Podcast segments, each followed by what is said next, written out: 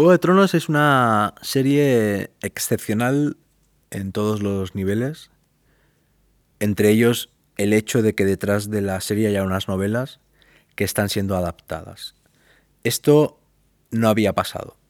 No había ninguna gran serie basada en novela y que sea una adaptación fiel. En el caso de Dexter, la primera temporada se basa en una novela, pero después se va hacia otro lado.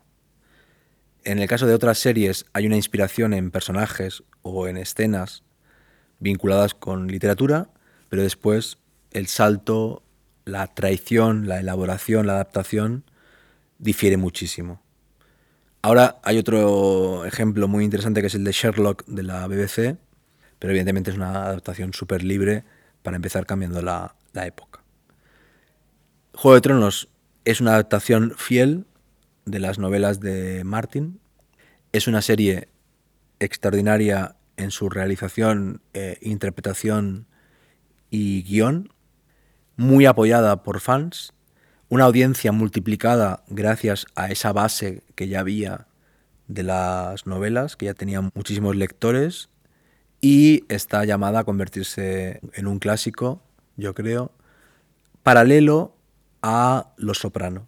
¿Por qué? Porque Los Soprano dio una vuelta de tuerca al cine sobre la mafia, homenajeó las películas del Padrino y de Scorsese, supo resumir ese archivo intertextualmente, irónicamente, y darle una nueva vida a ese género en otro lenguaje. Y Juego de Tronos está haciendo lo mismo con todo el cine vinculado con Tolkien y con la tradición de la magia y de lo fantástico pseudo medieval. Está resumiendo ese archivo y lo está impulsando hacia otra dimensión. No hay ninguna otra serie, y esto es gracias a las novelas, con tan poco respeto por la categoría de personaje. Yo creo que Juego de Tronos ejemplifica muy bien estas series de la segunda década del siglo XXI, en las cuales el personaje ya no es tan importante. American Horror Story mantiene parte de los actores y actrices cada temporada, pero los personajes son distintos.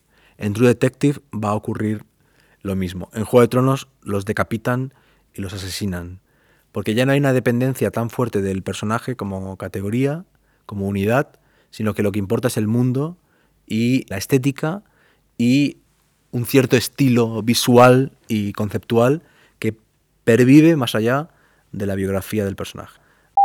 Hace cinco o seis años, viajando por Jordania, se me ocurrió la historia de dos jóvenes, Mario Álvarez y George Carrington, que decidían que el gran lenguaje artístico de su época era la televisión y decidían hacer una obra maestra televisiva, imposible, porque sería una obra maestra en la que ellos controlarían todo.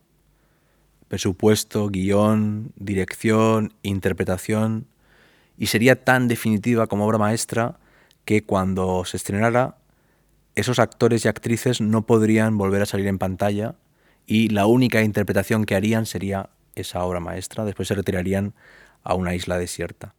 Esta idea me llevó a escribir Los Muertos, que es una novela en la que imagino una serie de televisión creada por Mario Álvarez y George Carrington, y de Los Muertos surgieron dos proyectos.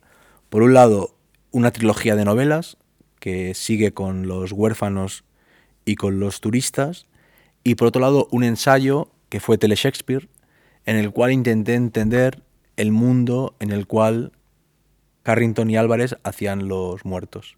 Es decir, el ensayo Tele Shakespeare surge de preguntas que me formulo en la ficción. ¿Por qué? Porque aunque los muertos tienen una parte de ensayo o de ensayo ficcional, Creo que es una novela muy literaria y muy clásica en el sentido de Borges o Nabokov o, Cortázar o Ricardo Piglia o Coetzee, porque creo que esa serie Los Muertos es imposible de hacer, pero en cambio es posible hacer una novela que hable de esa imposibilidad y reflexione sobre ella. Pero todo aquello que no podía caber en el ensayo que hay en Los Muertos, lo desarrollé en Tele Shakespeare, que de algún modo es una ampliación brutal del campo de batalla y un análisis de cientos de objetos culturales que están en la órbita de mis intereses y de los de mis personajes.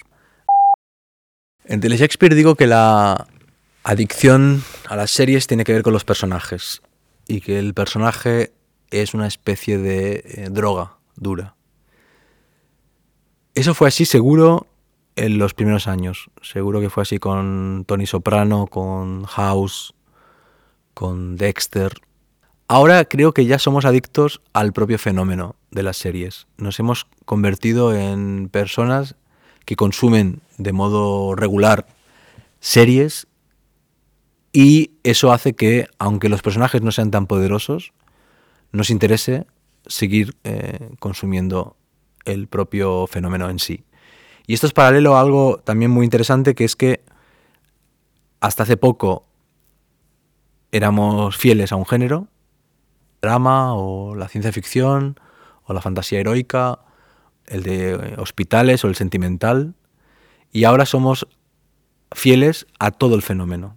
Es una especie como de metagénero. Lo que nos interesa es la ficción televisiva de calidad, más allá del género o del subgénero.